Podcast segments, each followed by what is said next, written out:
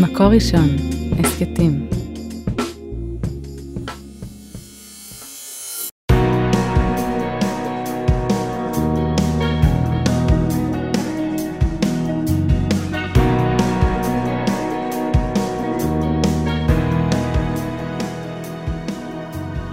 שלום הרבנית שירה מרילי מירביס. שלום הרבנית חמוטל שובל. פרשת מקץ, המשך הדרמה. אז באמת, בצורה אמיתית, כל הסיפור הזה הוא רצף אחד ארוך. החלוקה פה לפרשות היא מאוד מלאכותית בעיניי. כן. ובעצם נשארנו באמצע המתח, שבוע שעבר. אז לפני שנחזור ליוסף ולדרמות שלו, כשאני הייתי בת 18, הלכתי לשירות לאומי, והייתי מדריכה שנתיים בפנימייה. הדרכתי ילדים שלא גרו בבית וגרו בכפר נוער, והגעתי חדורת מוטיבציה אה, מהאולפנה שבה למדתי, וזה היה נראה לי שלא עושים את הדברים כמו שצריך. אמרתי, מה זאת זה אומרת? מעבר לזה, זה שאת יודעת איך הדברים כן. צריכים להתנהל, והם לא מתנהלים כמו שאת חושבת. בדיוק, למרות שזו תכונה שנשארה איתי אה, עוד בהמשך, אבל היה ברור לי שמה זאת אומרת, לא מנהלים פה את העסק כמו שצריך, היו לי המון השגות על הפנימייה, על הכללים שבה, וחשבתי שאפשר לשנות את כל ההתנהלות.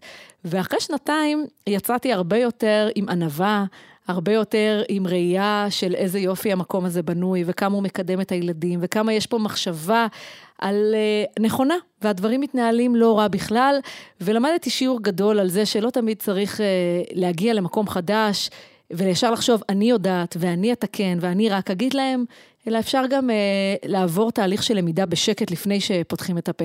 למרות שאני אלמד עלייך זכות, ואני אגיד שזה מאוד טבעי, שכאילו כשאתה מסתכל על דברים, כשאתה סתם חלק מההמון, אתה חושב שדברים מתנהלים מעצמם, שזה פשוט זורם ככה, בצורה טבעית. והרבנית שלי, הרבנית אושרה קורן, אמרה לי פעם, אני עובדת מאוד מאוד קשה כדי שהכל יהיה מאוד ספונטני. ואני לוקחת את זה איתי, זאת אומרת, אפילו באירועים קהילתיים, בבית הכנסת, בקהילה, באירועי חברה, מה שזה לא יהיה, כאילו איך אתה מתכנן את הכל לפרטי פרטים, כדי שבסוף זה ירגיש מאוד זורם, מאוד טבעי. ואנשים לא מבינים כמה מחשבה ועבודה הושקעה בזה אה, מאחורה.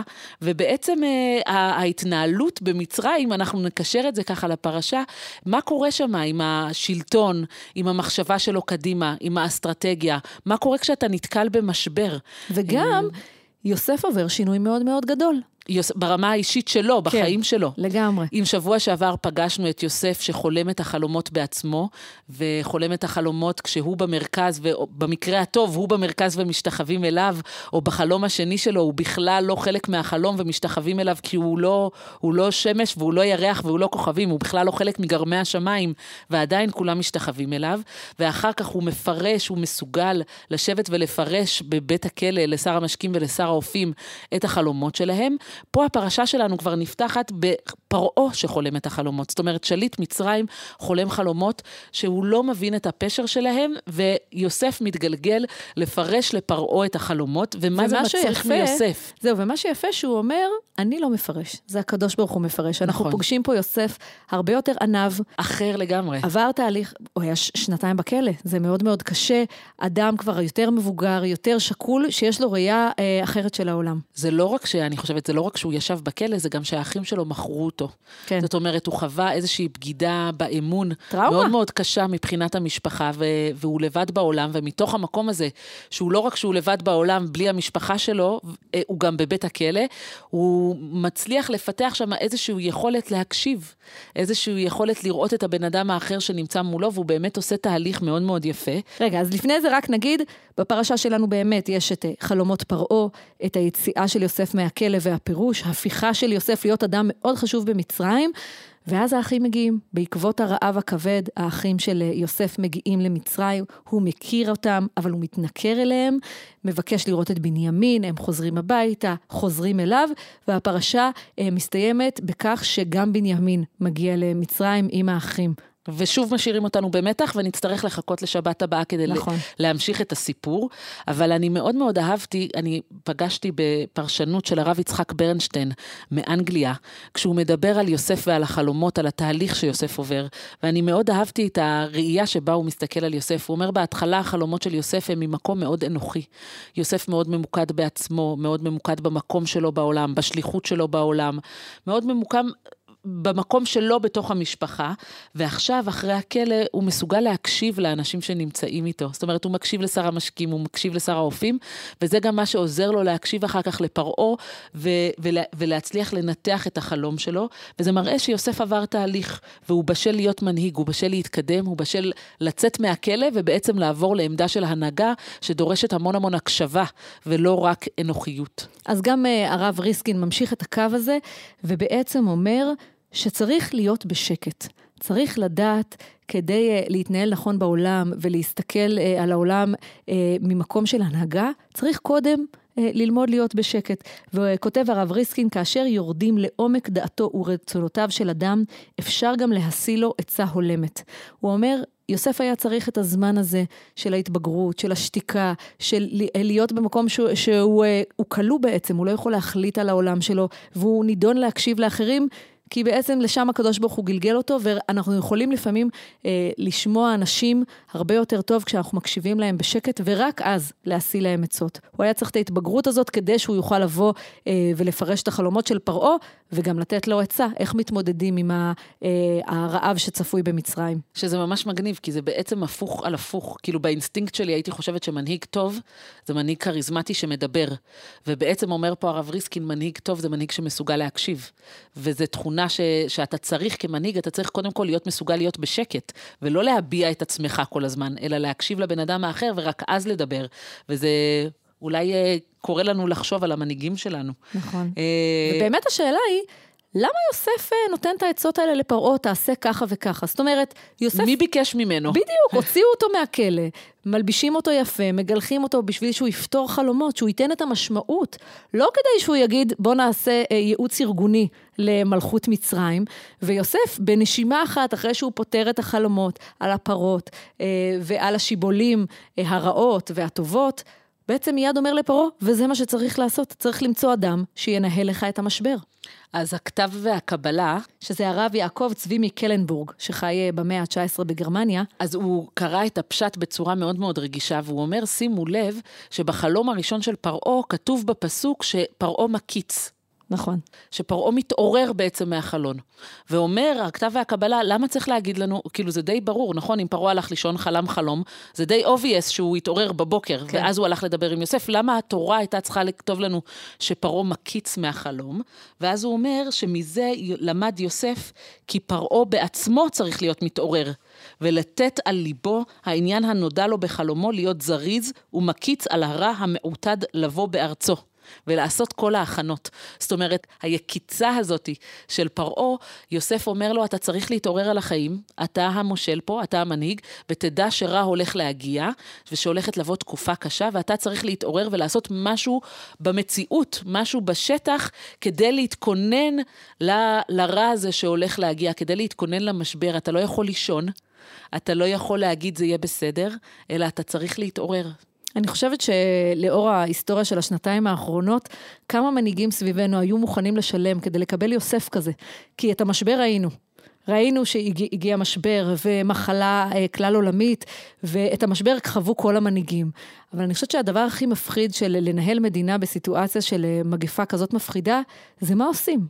וכל דבר שעושים אומרים לך, לא, זה לא היה בסדר. ולמה עשית ככה? ולמה חיסונים? ולמה סגר? ולמה טיסות, אה, לסגור את הטיסות בשדה התעופה? וזה נורא מפחיד, ואני חושבת שיש משהו שנורא מנחם את פרעה, שאחרי שיוסף אומר לו, הולך להיות, אה, הולכת להיות תקופה מאוד קשה של רעב, שבע שנים של רעב. אבל לפני זה יהיה שבע שנים טובות, ואתה צריך להתארגן, וזה מה שאתה צריך לעשות. כי הרבה פעמים כשאנחנו ניצבים בפני המשבר, אנחנו אומרים, הלוואי שמישהו היה אומר לנו איך להתנהל. כן. ולכן פרעה לוקח את יוסף ביד ואומר לו, אתה, אתה הבן אדם. כי כל מה ש... כי, כי לקבל אה, בשורות רעות על כמה רע הולך להיות, זה נורא קשה. אבל לקבל את זה ביחד עם תוכנית פעולה מוכנה, זה אומר לפרעה, אתה הבן אדם, אתה תעזור לי לצאת מזה. ודווקא סביב הקורונה, אני חושבת שאפשר באמת אה, לחלק את המנהיגים שלנו ואת אנשי הציבור והתקשורת, לראות איזה אנשים בהתחלה אמרו, אוי, זה שטויות, זה אין פה כלום, זה יעבור, כן. זה זה, בקטנה, ואיזה אנשים היו בשקט. וניסו קודם כל ללמוד את הסיטואציה ולהבין מה קורה, ורק אחר כך לדבר ולפתח איזושהי תוכנית פעולה מתוך מקום של ידע. ואני חושבת שאנשים שדיברו בהתחלה מתוך מקום של שטויות, אני יודע, זה הכל יהיה בסדר, אכלו את הכובע אחר כך. כן. זאת אומרת, היה פה משהו שהוא באמת, אה, אף אחד לא יכל לדמיין את גודל הדבר הזה. נכון. אה, נחשור, נחזור uh, ליוסף ואחיו. הם מגיעים אחרי כל השנים שהוא לא ידע uh, אם הם רצו... ושהם לא יודעים. והם לא יודעים שהוא חי, והוא הוא מכיר אותם, והם לא מכירים אותו. ויש לו פה את העליונות הזאת, שהם מגיעים uh, לבקר אותו, והוא מכיר אותם. והוא מעביר אותם תהליך מאוד מאוד קשה. זאת אומרת, הוא קודם כל אומר להם שהם מרגלים, ואחר כך הוא משחק עם כמויות האוכל בשקים, ואחר כך הוא מחביא את הגביע בשק של בנימין. הוא מעביר אותם תהליך נורא נורא קשה, והשאלה היא, למה הוא עושה את זה? זאת אומרת, אחרי כל השנים האלה, הוא, הוא עושה הוא להם... הוא יכל להתנהל אחרת בסיטואציה הזאת. כן, וזה... וזה... זאת אומרת, ברגע שהוא רואה את האחים שלו מגיעים, הוא יכל בעצם אה, להיחשף להתעמת איתם. כן, באותו הרגע, בטוב, ברע, בכעס, בהשלמה, לא משנה, אבל הוא בחר שלא. יוסף בחר לשמר את המקום הזה שהוא יודע מי האחים שלו, והאחים שלו אין להם מושג עם מי הם מדברים מבחינתם. והוא בעצם מעביר אותם מבחן. הוא בעצם מעביר אותם מבחן שבו הם צריכים להפקיר עוד פעם עוד אח, ולראות האם הם ישחזרו את מכירת יוסף, האם הם יפקירו את שמעון, האם הם יפקירו את בנימין, או שהם למדו את הלקח. והרב חיים סבטו אומר שיש פה לימוד מאוד מאוד גדול שאנחנו לומדים מהאחים של יוסף. הוא אומר שכשנופלת אליהם הצרה הזאת וכל הקשיים שיוסף מעביר אותם, הם לא מסתכלים על המציאות ואומרים, אוי ואבוי, אנחנו לא מבינים, ולמה אנחנו חוטפים ככה, אלא מיד הם אומרים, אבל אשמים אנחנו. מיד הם מקשרים את המצוקה העכשווית שלהם למכירת יוסף. בלי שהם יודעים שזה יוסף. בלי שהם יודעים שהם יוסף, שזה יוסף, ו- והרב חיים סבטו אומר, הם מלמדים אותנו על חשבון נפש. הרבה פעמים כשקורה לנו משהו קשה, אנחנו נורא עסוקים בלרחם על עצמנו. ו- והרב סבתו אומר, צריך להסתכל קדימה. איך אפשר לצמוח ממשבר? מה, מה אנחנו צריכים ללמוד על עצמנו? איך אפשר לתקן את עצמנו בעקבות משבר? אני חושבת שהתגובה האוטומטית שלהם, כשיש להם קושי להגיד, זה אשמתנו, זה מראה עד כמה זה נוכח אצלם בחיים. זאת אומרת, הם אולי זרקו את יוסף לבור, אבל הם ממש לא שכחו. והם ממש לא השאירו את המאורע הזה מאחורה. אני חושבת שזה מראה כמה האחים היו מלאים בייסורי מצפון אולי ורגשות אשמה. כן. כל ה-20 שנה האלו, שהם אומרים, אין לנו מושג מה קרה איתו, אין לנו מושג איפה הוא ומה זה, אבל אנחנו רק יודעים שאנחנו משקרים על אבא שלנו כבר 20 שנה, ושאנחנו לא יודעים מה קורה עם אח שלנו, ו- והם הולכים עם זה בלב, כי התגובה האוטומטית שלהם כשיש משהו רע זה להגיד, אנחנו אשמים. זאת אומרת, זה ממש נמצא שם על פני השטח, זה מראה את עומק, ה- עומק הקושי. אני פעם שמעתי שיעור בספרות מהרב דני סגל, והוא שאל את הקהל, מה המילה הכי קשה בעברית? כן. והוא ענה שהמילה הכי קשה בעברית היא המילה אולי. אולי אני אוהב אותך, אולי לא. אולי הוא בחיים, אולי לא. הוא אומר, כשבן אדם תלוי בחוסר ודאות, החיים שלו נורא נורא קשים. ואני חושבת שכל השנים האחים הולכים עם השאלה, אולי הוא חי, אולי הוא מחפש אותנו, אולי הוא במצוקה, אולי, אולי הוא, הוא עבד. אולי הוא כועס עלינו. כן, העניין הזה של, הרי אם הוא היה מת, הוא היה מת. והם היו יודעים שעם כל הקושי והטראומה והאשמה הענקית, הוא מת. אבל האחים מסתובבים בעולם ויודעים שהכתונת פסים עם דם זה לא הדם שלו. ושאולי הוא מסתובב בעולם. והחוסר ודאות לדעתי זה מה שאוכל אותם. הפחד הזה שהם לא באמת יודעים איפה הוא ומה קרה לו.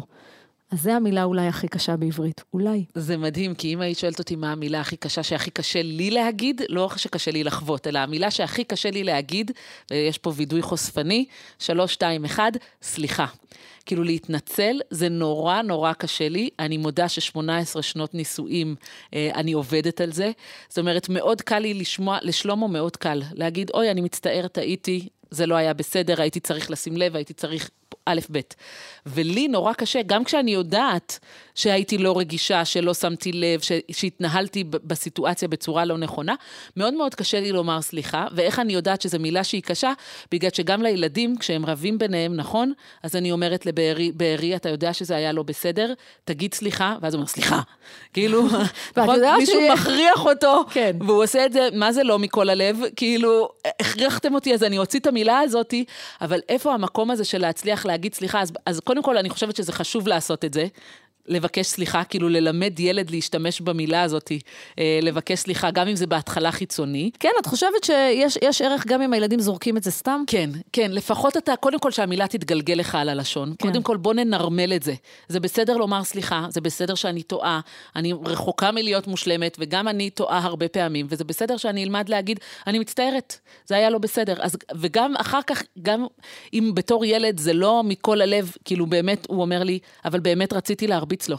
אני, אני אגיד סליחה, אבל באמת רציתי להרביץ לו, באמת כאילו... באמת עצבן אותי נורא. באמת עצבן אותי נורא, וזה, וזה, וזה אמיתי, ואני נורא אוהבת שהם אומרים את זה, אבל כדי להתחיל לפחות את התהליך, אז לפחות שקודם כל תהיה אמירה, גם אם היא אמירה חיצונית מהשפה ולחוץ, ובעזרת השם, לאט לאט אתה תהיה גם מסוגל אה, לעשות איזשהו תהליך פנימי עם הדבר הזה.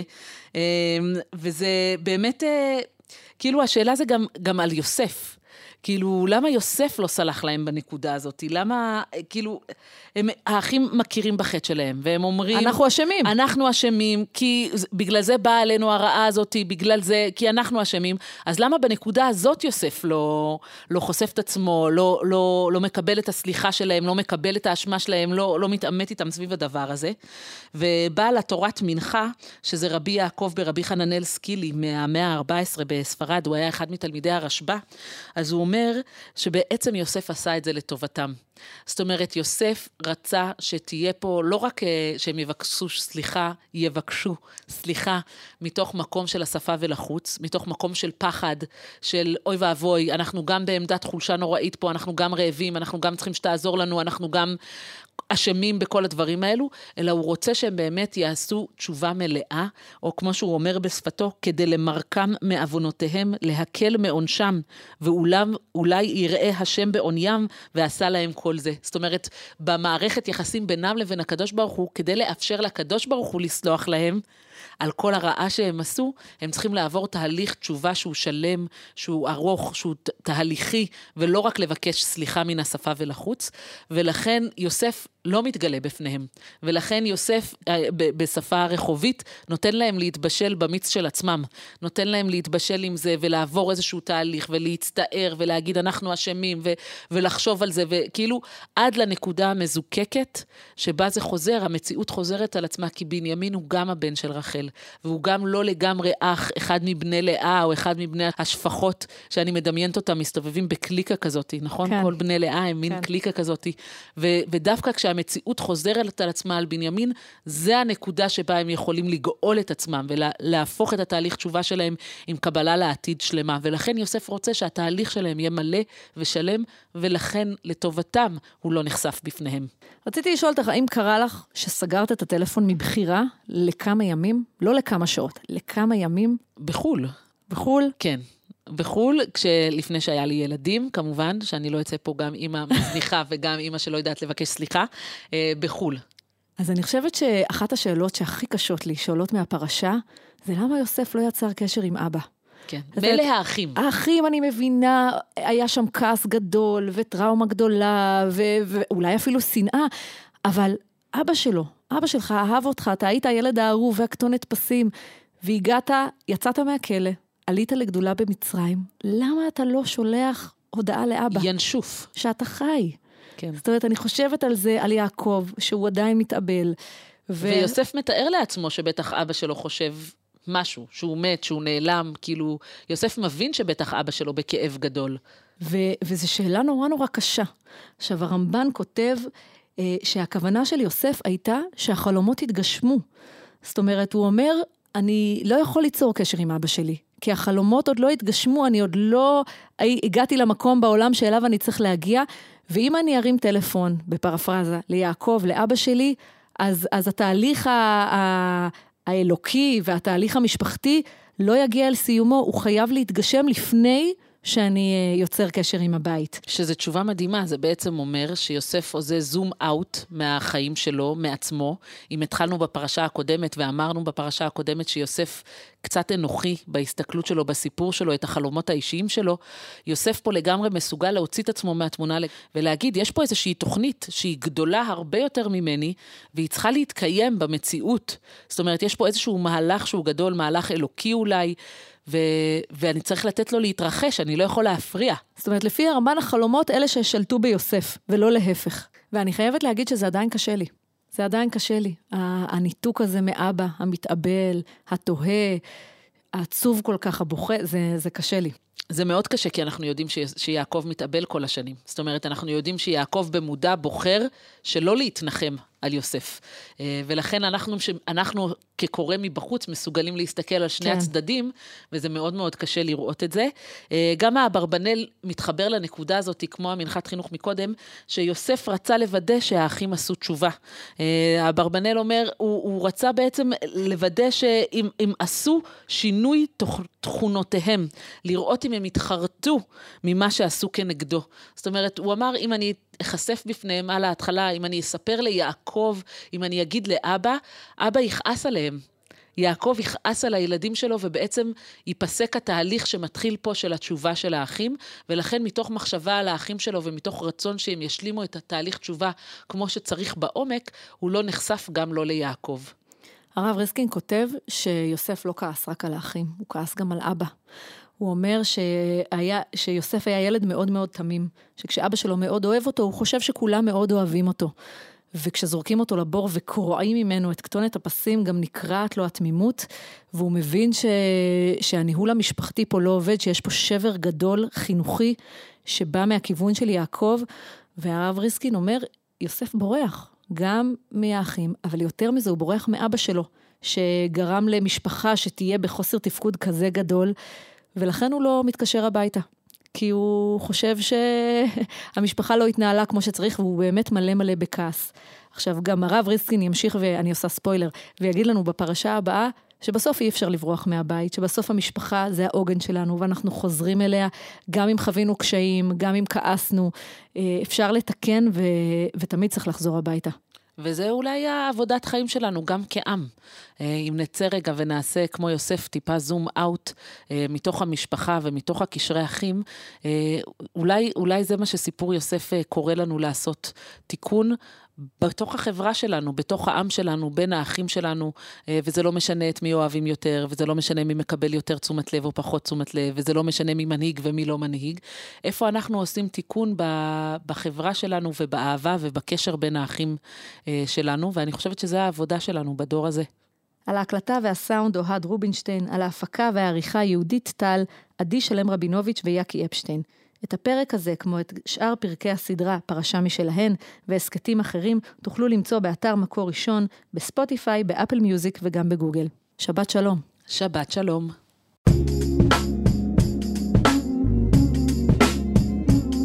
מקור ראשון, הסכתים.